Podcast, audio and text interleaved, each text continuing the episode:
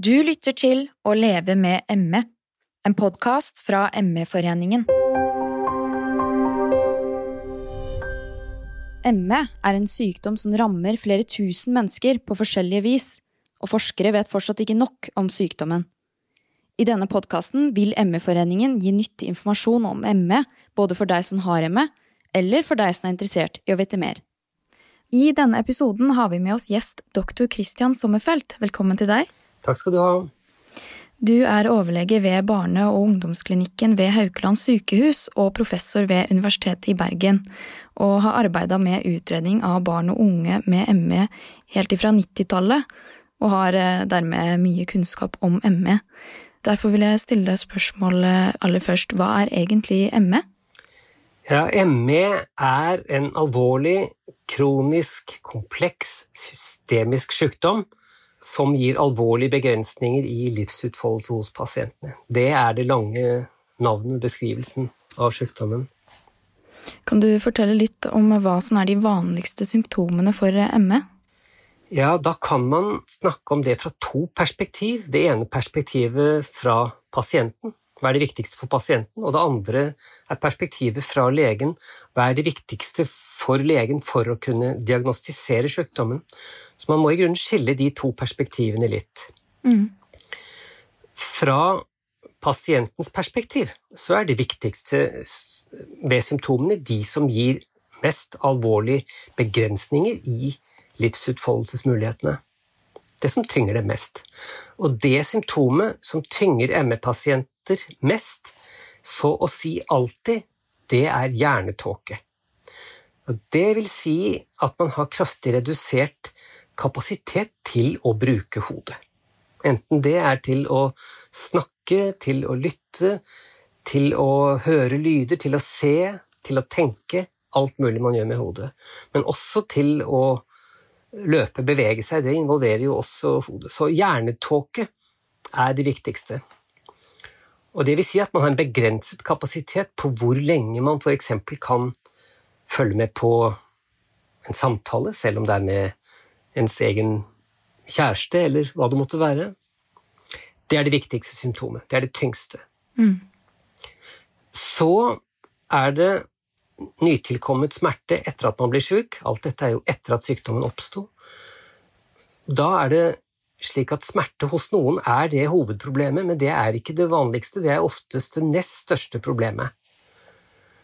Og det kan være hodepine, smerter i ben, armer, magesmerter, og det kan være veldig uttalt, slik at man faktisk f.eks. kan ha hodepine alltid men at det øker ved økt aktivitet, er det typiske. Og noen ganger så kommer det og går, sånn som smerter i armer, ben, mage. Så er det andre symptomer som er veldig problematiske for pasienter i varierende grad. Kvalme, svimmelhet, lyd, lysømfintlighet og søvnforstyrrelser.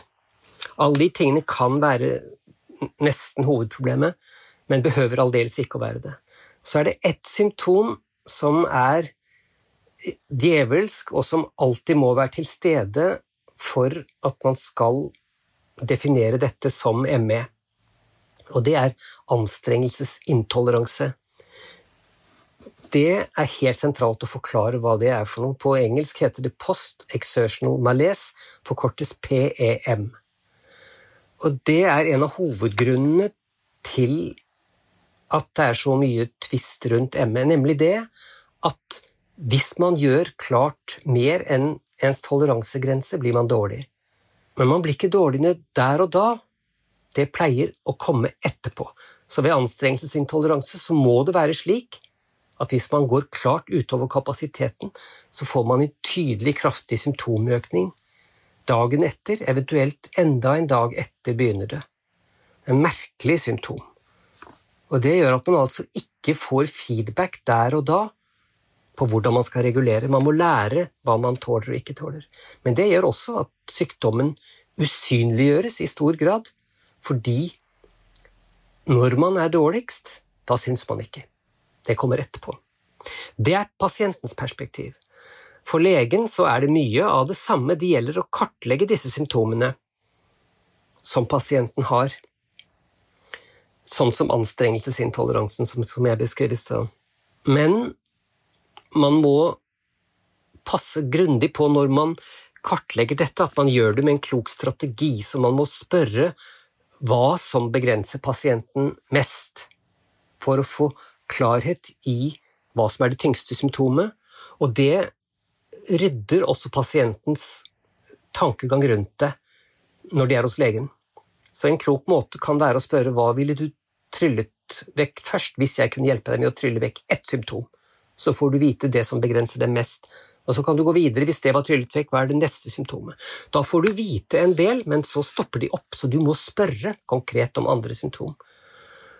Eksempel om det er slik at de har symptomer fra det ufrivillige nervesystemet, autonome systemet, svimmelhet når man har stått en stund, om de er rart varmt kalde, om de blir dårlige etter å ha dusjet, blant annet slike symptomer, det vil de ikke fortelle om som noe begrensende, og det behøver ikke å være vesentlig begrensende, men det er symptomer som er viktige for kriteriene som brukes for diagnosen.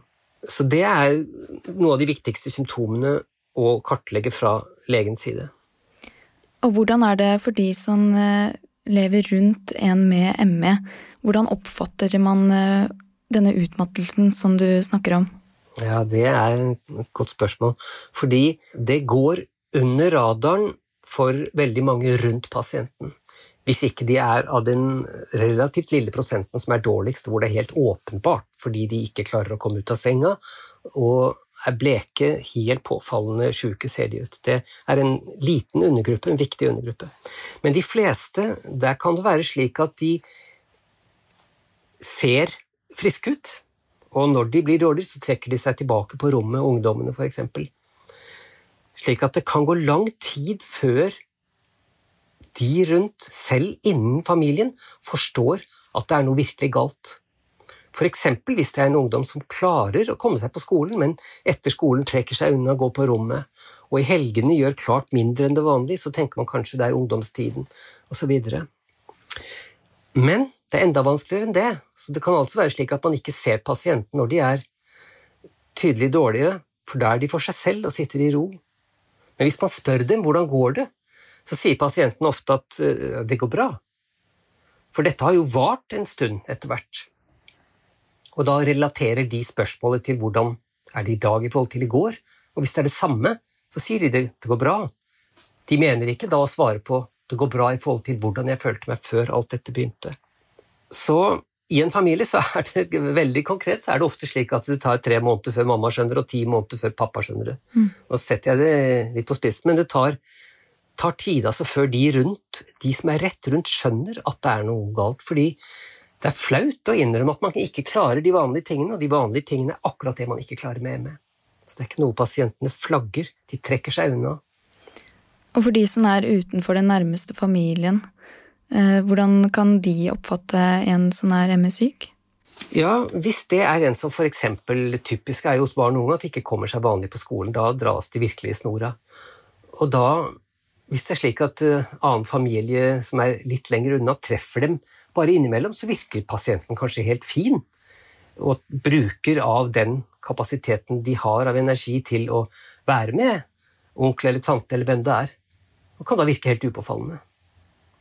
Så det er ikke sjeldent, og faktisk ikke rart, at de rundt tenker at nei, men i all verden, det må jo bare være ungdomstiden, det må jo gå an å ta seg sammen.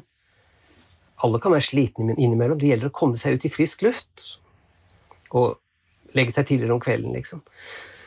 Så det er ofte at halvnær familie ikke tror at pasienten er sjuk, virkelig sjuk, og det er man hvis man har ME.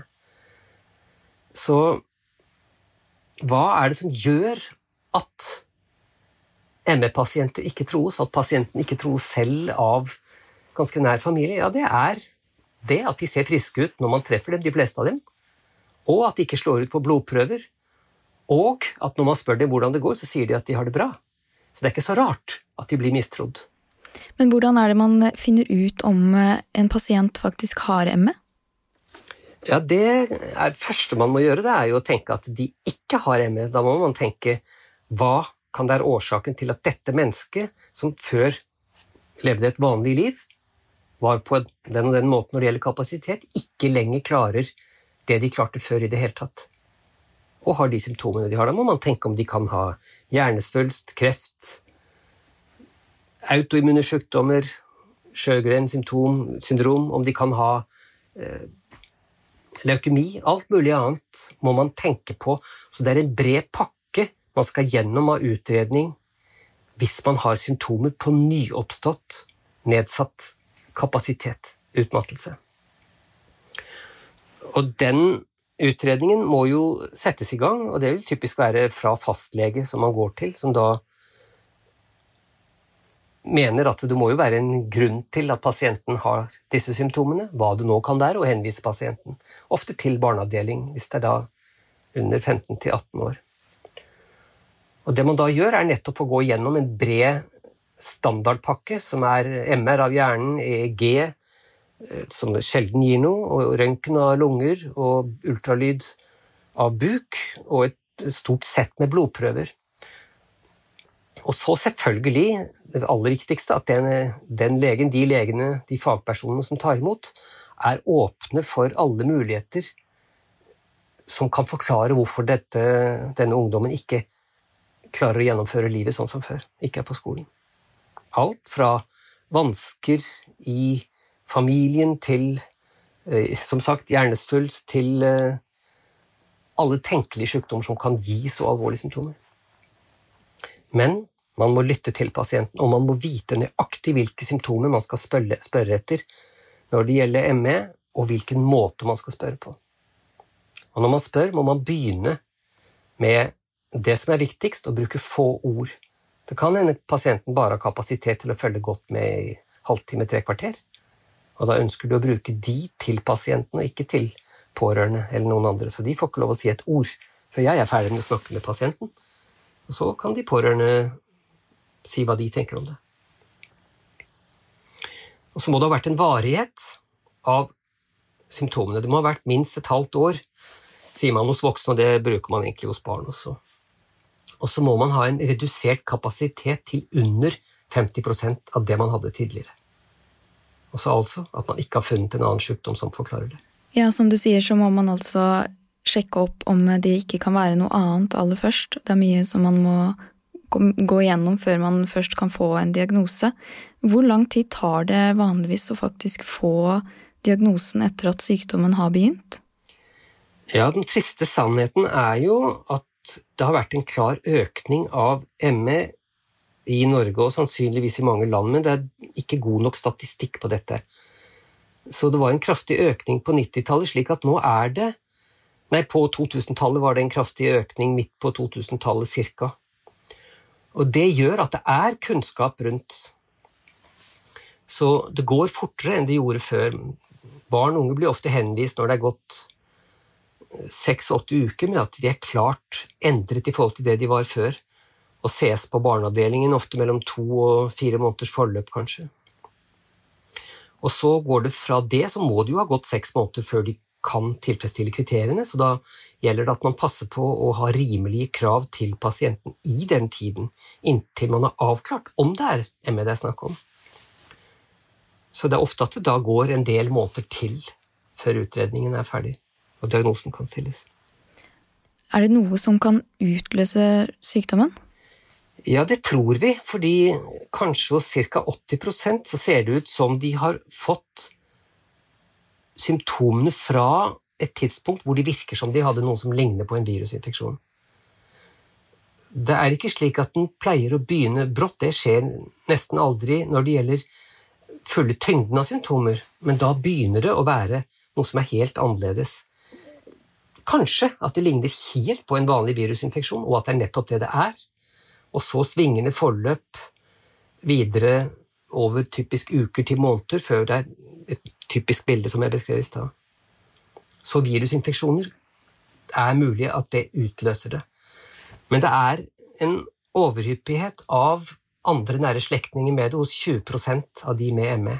Så det er sannsynligvis en genetisk faktor også. Andre utløsende faktorer har vi ikke funnet. Det ser ikke ut til at uh, vansker i skolesituasjonen, læring, samhandlingsvansker med andre mennesker generelt, vansker i familien At den type ting utløser men det ser det ikke ut til. Og ikke spesielle personlighetstyper er det støtte for heller. Så altså en virussykdom kan være en utløsende faktor, men eh, årsaken kan være bl.a. genetisk? Er det andre ting det kan være?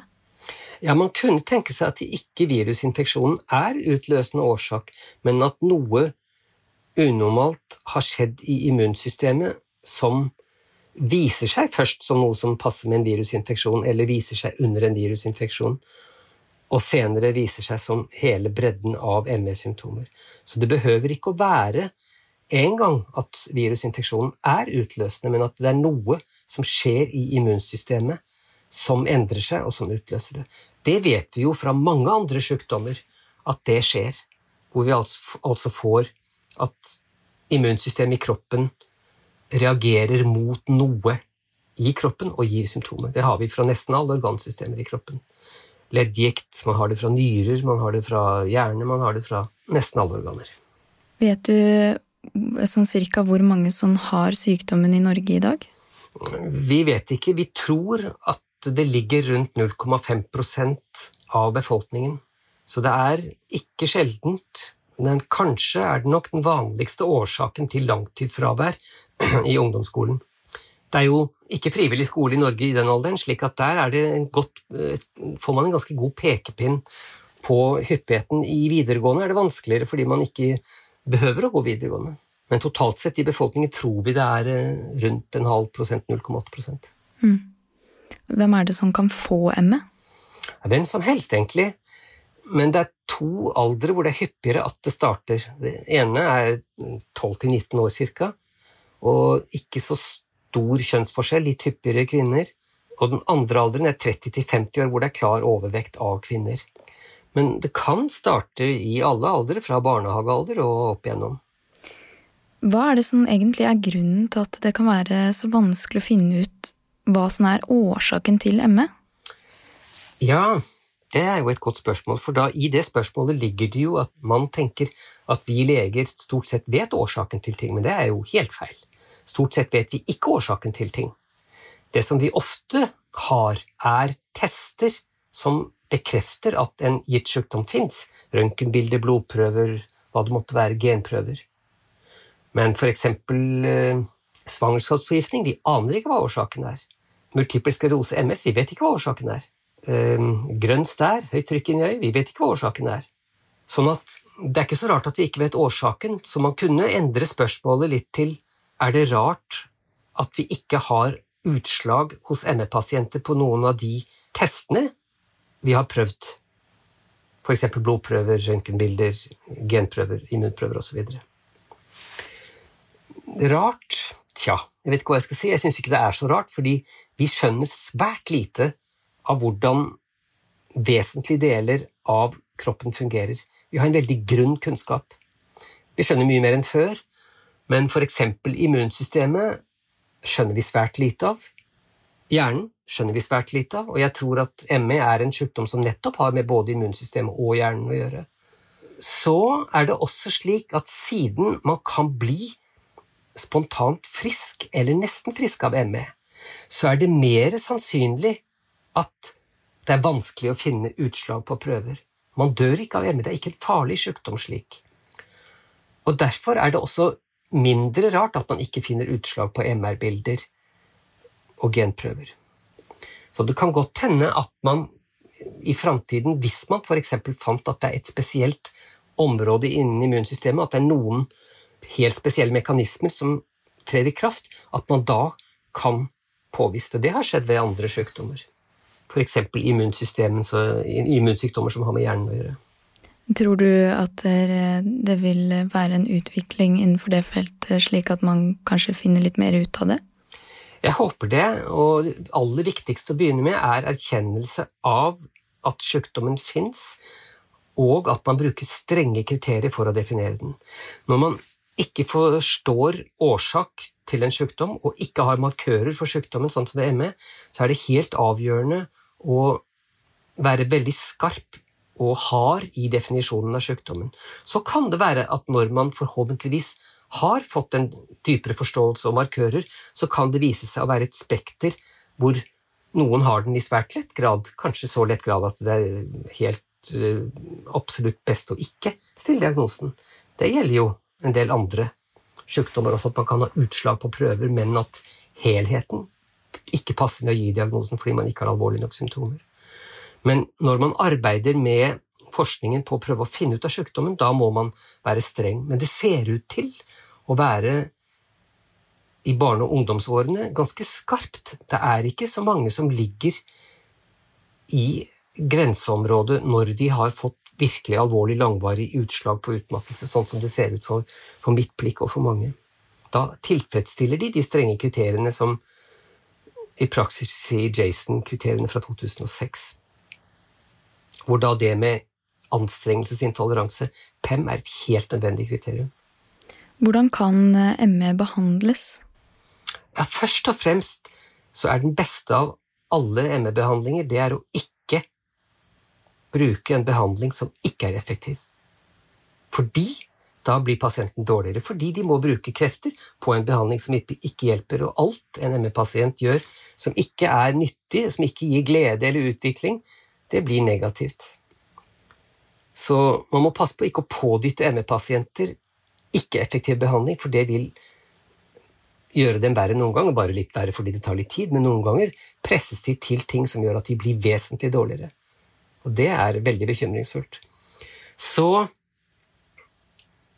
fins det behandling som er effektiv. Ja, Da kommer det an på hva man mener med effektiv. Hvis man sier som kan hjelpe til at de har et bedre liv, så fins det ting man kan gjøre. Jeg tror det viktigste er å legge til rette for at pasienten kan gjøre det de kan klare, og at man aksepterer å legge til rette for at de ikke kan gjøre det de ikke klarer. Og så er det opp til pasienten og de rundt, både familie og eh, helsevesen, annet fra hjelpeapparatet, skole, å prøve å legge til rette for at de kan regulere opp og ned uten å måtte ta urimelige hensyn. Eksempel, de føler at de bør levere den oppgaven innen fristen, så gjør de det, og så blir de for dårlige etterpå. I stedet for å si at det er ingen frist på den oppgaven. Du kan levere når du er ferdig. Det samme gjelder på alle områder, og det kalles pacing ofte. Men det er en aktivitetsregulering, og det varierer fra pasient til pasient. Noen pasienter har en ganske stabil, jevn måte sykdommen er på, hos andre så svinger den uforutsigbart. Hos de siste så er det veldig vanskelig med den reguleringen, for å passe på at de ikke da får en berg-og-dal-bane-kurve hvor de gjør for mye, og så får de PEM, og at det gjentar seg hele tiden. Eh, ja, du forteller litt om eh, hva, hvordan eh, de rundt, sånn som skole og familie, burde tilpasse seg pasienten. Men har du noen viktige råd til de som faktisk har fått ME, om hvordan de kan takle hverdagen? Ja, det kan du si. Det, de rådene jeg har om hvordan de best kan takle hverdagen, alle de rådene de har jeg fra ME-pasienter, og det samler jeg på som gullkorn. Fordi det viktigste av alt når man har med ME å gjøre, er å prøve å lære av pasienten. Og hvis man har fulgt over tid ME-pasienter, det er da man lærer. Man lærer ingenting når man møter dem første gang, for da skjuler alt seg. Man må følge dem over tid, lytte til dem så de stoler på en. Da kan man fange opp nyttige ting som de har lært seg, og de rundt har lært seg, som man kan bringe videre. Det aller viktigste er vel egentlig å rette blikket mot det de kan klare, og ikke mot det de ikke kan klare. Så i motsetning til det som mange sier, så har ME-pasienter overhodet ikke et symptomfokus. De hater å snakke om hvordan hodepinen er den dagen. Jeg har vært med på mange ungdom som når jeg spør dem av hva er det første jeg skulle tryllet vekk hvis jeg kunne, så sier de utmattelsen først, nesten alle sammen, men så kommer hodepinen som nummer to. Og det har de kanskje halvparten av tiden, uten at foreldrene vet det fordi de ikke har sagt fra om det. Så det typiske er at pasientene er flinke til nettopp det som er typisk en god måte å leve med en kronisk sykdom på, det er å prøve å rette blikket mot det som fungerer, det de kan delta i, og ikke det motsatte. Det er et godt råd, men Eh, det er flere gode råd som jeg har fått med meg, f.eks. aktiviteter som kan stoppes når som helst. Det er ting som kan fungere, ting som fortsetter, og som det er vanskelig å stoppe. Det er vanskeligere. Og noe av det tristeste er jo det at eh, noe av det viktigste på jorden er jo å være sammen med andre mennesker. Og det å være sammen med jevnaldrende for unge, eller å være sammen med venner for voksne, og det er nettopp det som typisk tar mest energi. Å være med en venn. Fordi man kan ikke bare da ta pause fra det å være med vennen helt plutselig, når man skjønner at man må ta pausen kanskje en halvtime og regulere ned. Det er flaut, og andre og vennen blir uh, forvirret av det. Det er noen ungdom som kan ha en venn på besøk, og så ler de av det når pasienten bare må ta en pause, og de bare sitter der. Det er noen få, bare jenter, som klarer akkurat det der. Jeg fikk et Vi snakket i dag med Eller nylig med en eh, lærer til en elev med ME som kom med en god oppsummering av akkurat det der. Altså, det var snakk om hvilke fag som kunne være vits i å prøve å holde på med når det var veldig redusert kapasitet hos denne pasienten. Og da var matte noe som den pasienten var dyktig i. Og matte går faktisk noen ganger, selv om det kan være helt umulig å tenke klart, så er det noen som noen gang kan holde på med det. Og det den læreren sa, var at ja, for matte der er det jo naturlige pauser, fordi man setter to streker under svaret. Og Det er et godt poeng. Man kan dele det opp i bitte små biter, og så er det to streker under svaret, og så stoppe. Når man ikke kan ha mer aktivitet med det. Så stoppregelen er veldig viktig. Og så er det generelle. Vær ærlig, vær åpen. Tør å si at du har ME. Det er ikke flaut. Det er en sykdom som alle andre sykdommer. Og når du tør å stå fram eh, når det er rimelig å si fra om det, at du har det, f.eks. For fordi du må begrense en aktivitet, da støtter du samtidig andre ME-pasienter ved å gi sykdommen et ansikt har du en eh, spesiell strategi du bruker når du skal eh, møte en ny pasient som muligens kan ha ME? Ja, som lege så har jeg det når jeg møter en pasient som muligens kan ha ME. Og det er oppsummert veldig enkelt i at jeg kort etter å ha hilst på pasienten, og typisk da med familie, sier at jeg nå gjør noe rart og spesielt, nemlig at foreldre ikke får si et eneste ord før jeg sier det. Veldig autoritært. Men jeg passer jo på å smile ekstra godt, da, så de skjønner at jeg ikke er helt gæren. Og så rygger jeg foreldre til og med en meter bakover på gulvet, slik at ikke det nytter for ungdommen å snu seg mot foreldrene for å ha noe uh, signaler fra dem om hva man bør svare på dette. Fordi jeg spør jo vanskelige spørsmål. Eksempel når begynte det og det symptomet, kan jeg spørre om. Og det kan være vanskelig å huske. Men da er jeg både ute etter når symptomet begynte, men jeg er også ute etter om de husker ting. Hvordan er hukommelsen? Så jeg ønsker å ha full kontroll på alle faktorene. Og dermed så viser jeg respekt for pasienten. At jeg ikke hører på mor eller far, jeg hører bare på pasienten inntil jeg er ferdig. Og jeg kan prioritere slik at det er de viktigste symptomene jeg spør om, først. Og jeg kan fange opp om hjernetåken begynner å komme. Og det tar en del erfaring man skal ha en del erfaring før man fanger det opp, og det er ikke pålitelig helt for noen pasienter. kan bare legge på ekstra kraft. Men ofte merker jeg et stykke uti konsultasjonen, kanskje en halvtime, tre kvarter uti, at de begynner å sitte urolig, svare litt uklart på spørsmål, kanskje gjesper. Og da er de allerede typisk begynt å bli uklare. Og så spør jeg vennlig om det er begynt å bli noe vanskelig å, å følge med, eller om det går greit. Så tar jeg det derfra. Så det er en viktig strategi. Etterpå er det like viktig å gi rom for at foreldre kan si hva de tenker om det pasienten nettopp har fortalt om sykehistorien. Om symptomene. Og men da passer jeg på å si at etter denne delen av konsultasjonen ønsker jeg å snakke alene med pasienten uten foreldrene, og det gjør jeg alltid, hvis de ikke er veldig små. Over åtte år, f.eks. Og dessuten så spør jeg hvis det er greit for pasienten at jeg også får snakke alene med foreldrene. Dermed vet foreldrene at senere i konsultasjonen vil de ha anledning til å korrigere noe av det pasienten har sagt, hvis det ikke er riktig. Det kunne f.eks. være at pasienten sier at eh, jo, jeg treffer venner innimellom det jeg er, men det går ofte en uke mellom hver gang. Hvis jeg da etterpå det hadde fått en korreks fra foreldrene på at egentlig en måned mellom hver gang de har kapasitet til å treffe en venn, så ville det vært smertefullt for foreldrene og for pasienten å konfrontere det med at virkeligheten er annerledes enn det. Derfor er det oftere klokt at det kan foreldre si etterpå. Og hvis man da har ikke tiltro til pasienten, da stoler man jo på pasienten og ikke på foreldrene. Da tenker man altså at det er foreldrene som planter symptomer inn og reduserer den reelle kapasiteten hos pasienten. Det skal man vokte seg for. Det gjør man i stor grad i enkelte land. Finland er kjent for det. Der er det ofte at man mener at pasienten har Münchhausen by proxy, altså at det faktisk er foreldrene som skaper sykdommen ved å beskrive symptomer som ikke er tilfellet. Jeg i hvert fall merker ofte at eh, når jeg er bekymra for at det kan være noe gærent med meg, så har jeg en tendens til å google litt rundt omkring på nettet. Og det kan jo ofte bli litt sånn dyster lesing, og det gjelder kanskje spesielt også ME. Hva bør jeg egentlig gjøre hvis jeg tror at jeg eller noen jeg er glad i, kan ha ME? De aller fleste googler jo da foreldrene. Pasientene, ungdommene, barna gjør det ikke typisk. Selv ikke ungdommene. 14-åringen gjør det heller ikke. De er ikke interessert i ME i det hele tatt, de er bare interessert i hvordan kan jeg få livet mitt tilbake.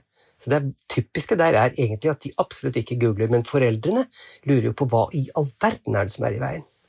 Så da gjelder det å google klokt, da, siden man vet at de googler uansett.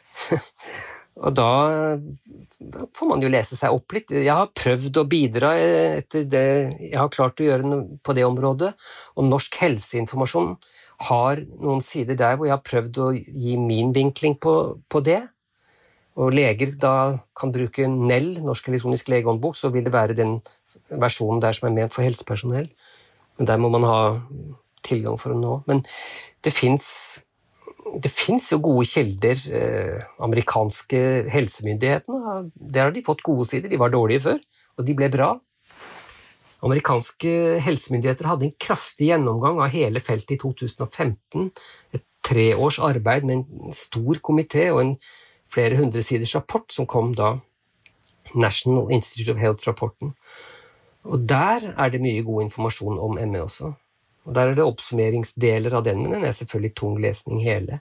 Men det er andre linker på amerikanske nettsider. Nasjonale veiledere i Norge syns jeg også har gode sider.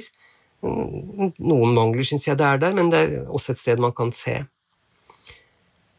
Det som jeg er skeptisk til når det gjelder mye rundt det som skrives om ME, er magisk tenkning, ønsketenkning. Altså hvis det ikke er støtte for f.eks. tiltak og behandlinger i god forskning, da skal man være meget skeptisk til å anbefale det. Og det gjelder jo en del ting hvor det både er rare kosttilskudd skulle jeg til å si, og annen behandling som ikke det er støtte for i forskning, eksperimentell behandling. Så det gjelder å være både skeptisk og nysgjerrig når man søker kunnskap. Men vil du si det beste hvis man føler seg dårlig, er å kanskje oppsøke legen istedenfor å rote seg bort på Google? Ja, fastleger syns jeg er blitt i stor grad dyktig når det gjelder ME. Og hvorfor er de det? Jeg syns at spesialisthelsetjenesten ligger langt etter fastlegene å si det rett ut. Det er jo en ganske kraftig påstand jeg kommer med, men det mener jeg. Og jeg tror grunnen til det er at fastleger per definisjon følger pasienter over tid. Med andre ord blir de kjent med ME-pasienter hvordan sykdommen arter seg over tid. Og da skjønner en våken, normalt empatisk fastlege at det dreier seg ikke om å ta seg sammen eller å komme, få seg frisk luft eller å spise sunt og legge seg i tide. De er sjuke, pasientene. Så jeg opplever stadig vekk fastleger som har god oppfølging og god forståelse av pasienter med ME. Så absolutt ta kontakt med fastlege.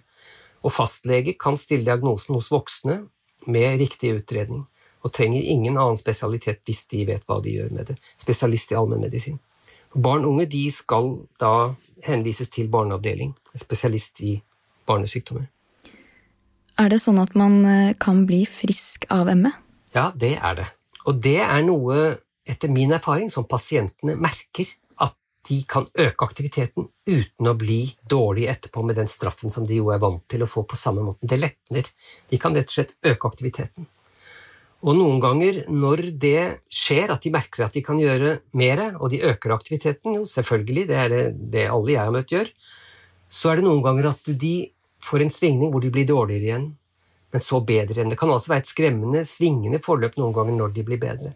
Det kan være andre veien også. Det er en uforutsigbar sykdom.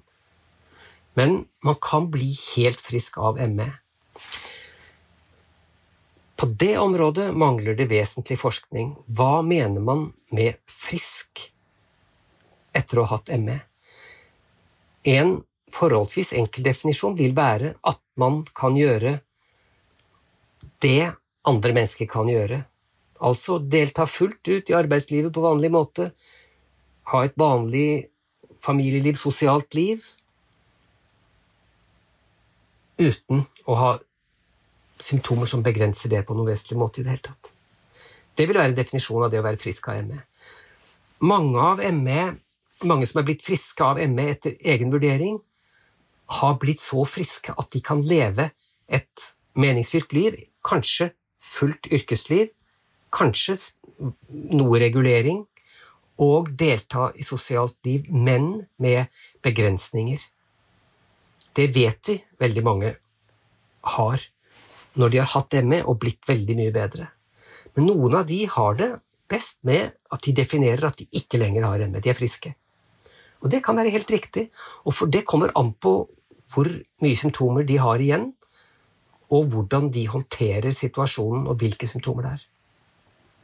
Men det er helt klart, noen blir helt friske, noen blir altså bare mye bedre. Og hvor mange av barn og unge som blir friske, det vet vi ikke, fordi det er for dårlig forskning rundt det.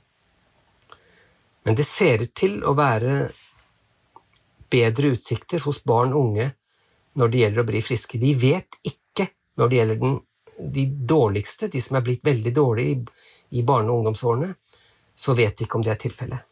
Vet vi noe om hvor lang tid det kan ta fra da man er skikkelig dårlig til man da kan bli frisk igjen? Det er uvanlig at det går under tre år. Nå sier jeg bare et tall.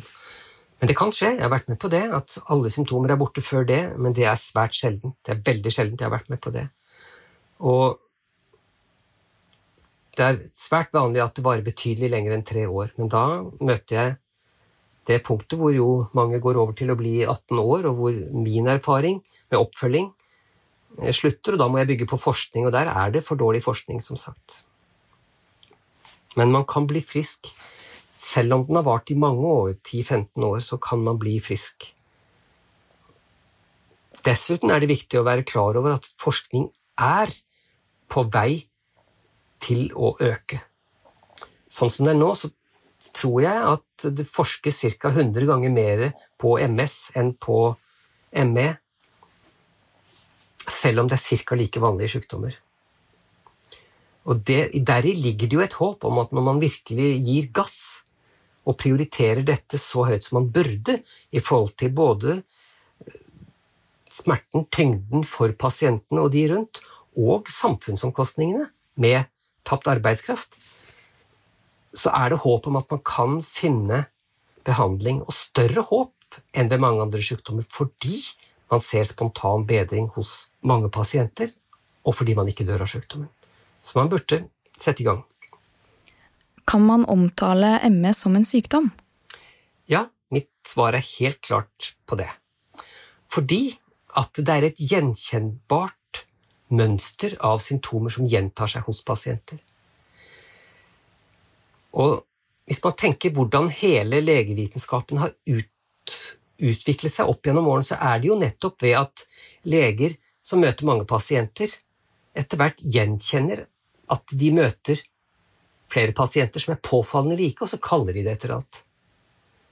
Eh, Herr Down kalte det Down syndrom, og senere nå heter det trisomi 21, fordi vi vet at det er en genforandring.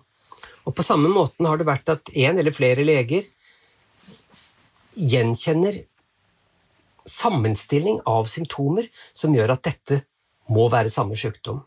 Det er sånn vi jobber som leger. Og etterpå kommer det at vi kanskje finner ut tester, markører på sykdom, og kanskje er så heldig å finne god behandling. Og det er helt slående når jeg møter ME-pasienter, hvor utrolig like symptomene er. Og jeg prøver jo å lure dem når jeg spør om symptomene, ved å stille spørsmål om de har symptomer som overhodet ikke er typisk for ME. Men de biter jo ikke på. Sånn at det er helt slående hvor like symptomene er. Eksempel dette symptomet, det å bruke feil ord. Det er ikke alle som har det, men det er en del som har det, og de ler ofte når jeg spør om det. Familien sammen med pasienten.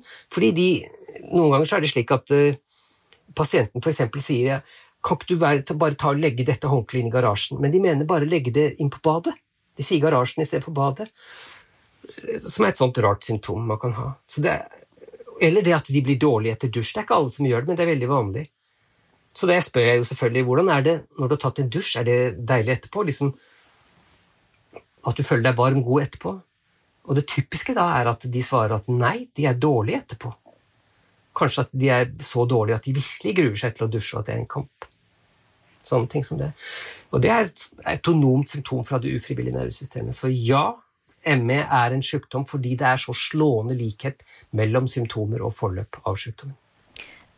ME har en lav status. Hva er grunnen til det? Jeg tror grunnen til det er først og fremst at pasientene ser friske ut når man møter dem. Det er først etterpå at symptomene er når de blir dårlige nok, og de ikke klarer å skjule det. Da trekker de seg vekk og ikke er sammen med andre mennesker. Så er det det at de ikke slår ut på tester. Og så er det det at det er jo forbundet med slitenhet, trøtthet, og det er jo naturlig, for det er jo et sentralt symptom. Og mennesker er slitne og trøtte, hvis ikke så lever man jo ikke livet. Man tar seg jo ut. Og noen ganger er man sliten av jobben, av skolen eller hva det er. Og da kobler man de to tingene, men det er ikke den type slitenhet vi snakker om ved ME. Det er noe annet. Ofte har pasienten et eget ord for det, og det minner mer om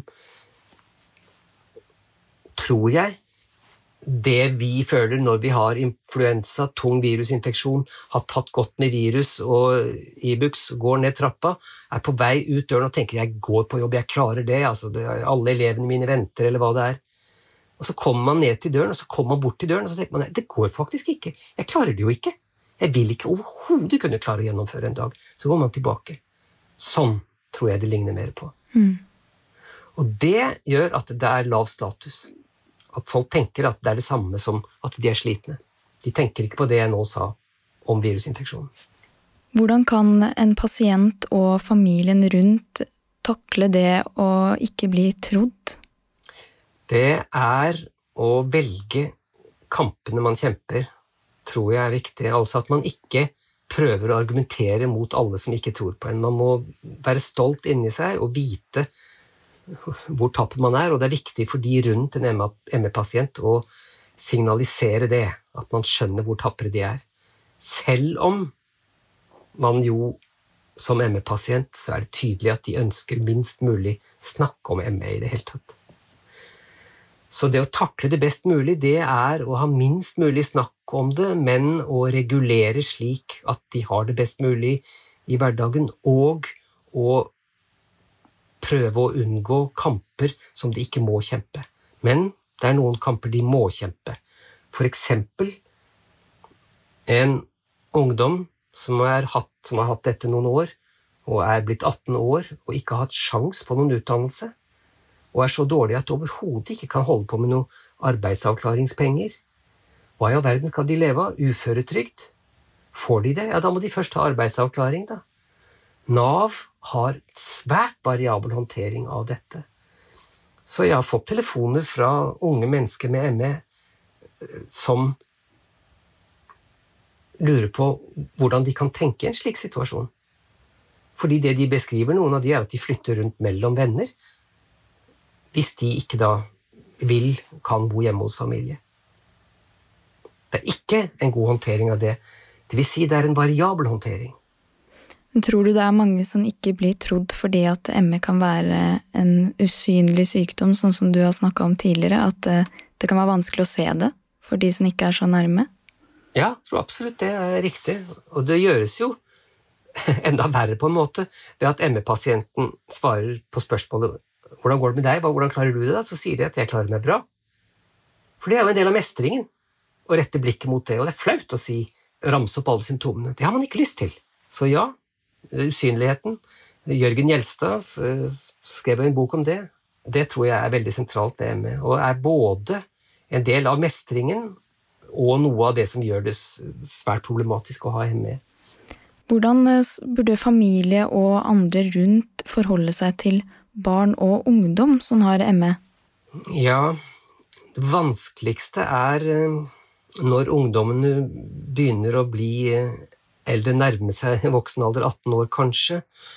Men svaret på det er vel egentlig at jeg syns at de voksne rundt er svært dyktige til å forholde seg til det, nemlig ved å være jordnære og ydmyke. Det vil si at de ikke presser barn og ungdommen til noe de ikke kan klare. De gjør det til å begynne med. Eh, pappaer særlig. De gjør ofte det fordi de tenker at det gjelder å komme i gang, og det er jo ved en del tilstander og situasjoner så er jo det det riktige, det. Men her er det ikke det. Slik at det er det å være lyttende og klok i håndteringen av det. Et godt eksempel på noe som er vanskelig å forstå for medlemmer i en familie, er at ungdommen, og noen ganger barnet, åtte-tiåring hvis de er sjuke, trekker seg tilbake aleine på rommet. Selv om det eneste som skjer i stua, er at mor eller far sitter i hjørnet og ser på et nettbrett eller leser en bok. Hvorfor i all verden kan ikke ungdommen da heller sitte og kikke på nettbrettet sitt i stua? Ja, da kommer noe snodig inn i bildet. Det er det at hvis ungdommen sitter i stua, så sitter ikke den ungdommen bare og holder på med nettbrettet, men nettbrettet er klar over at pappa lurer på hvordan er det hun har det i dag, fordi han er lei seg fordi hun er sjuk. Hun merker hans smerte over hennes sjukdom i det samme rommet, når de sitter i samme rommet. Selv om han ikke har spurt noe om det og ikke rørt seg i det hele tatt signaler mellom mennesker de går med en gang når man er i samme rommet. Man merker det på et tannlegekontor når man går inn og setter seg. Så Hvis man sitter alene, oppfører man seg på én måte. Hvis det kommer en til inn, så er man annerledes. Mm. Fordi man blir observert. Så de har det ofte best når de slipper å ta hensyn til noen signaler, eller mulige signaler, utenfra. Og siste spørsmål, hvor langt er forskningen på ME kommet? Det er ikke noen virkelig gjennombrudd i forskningen, men det er funn gjort i en del studier på forskjellige fronter som er svært spennende, og hvis de bekreftes av andre forskningsgrupper i nye studier, så kan det være vesentlige framganger, men ennå ikke noe som jeg ville kalt gjennombrudd. Det viktigste av alt er kanskje ikke resultatene ennå, men det at man har forstått hvor viktig det er å gjennomføre forskningen. Tusen hjertelig takk til deg, doktor Christian Sommerfelt, for at du ville være gjest hos oss og fortelle oss litt om hvordan ME fungerer. Takk for at du har kommet. Du hørte på Å leve med ME, en podkast av ME-foreningen. Hvis du trykker på abonner nå, så får du med deg alle episodene når de blir lagt ut. Mitt navn er Mia Sandnes Nilsen, og takk for at du hørte på.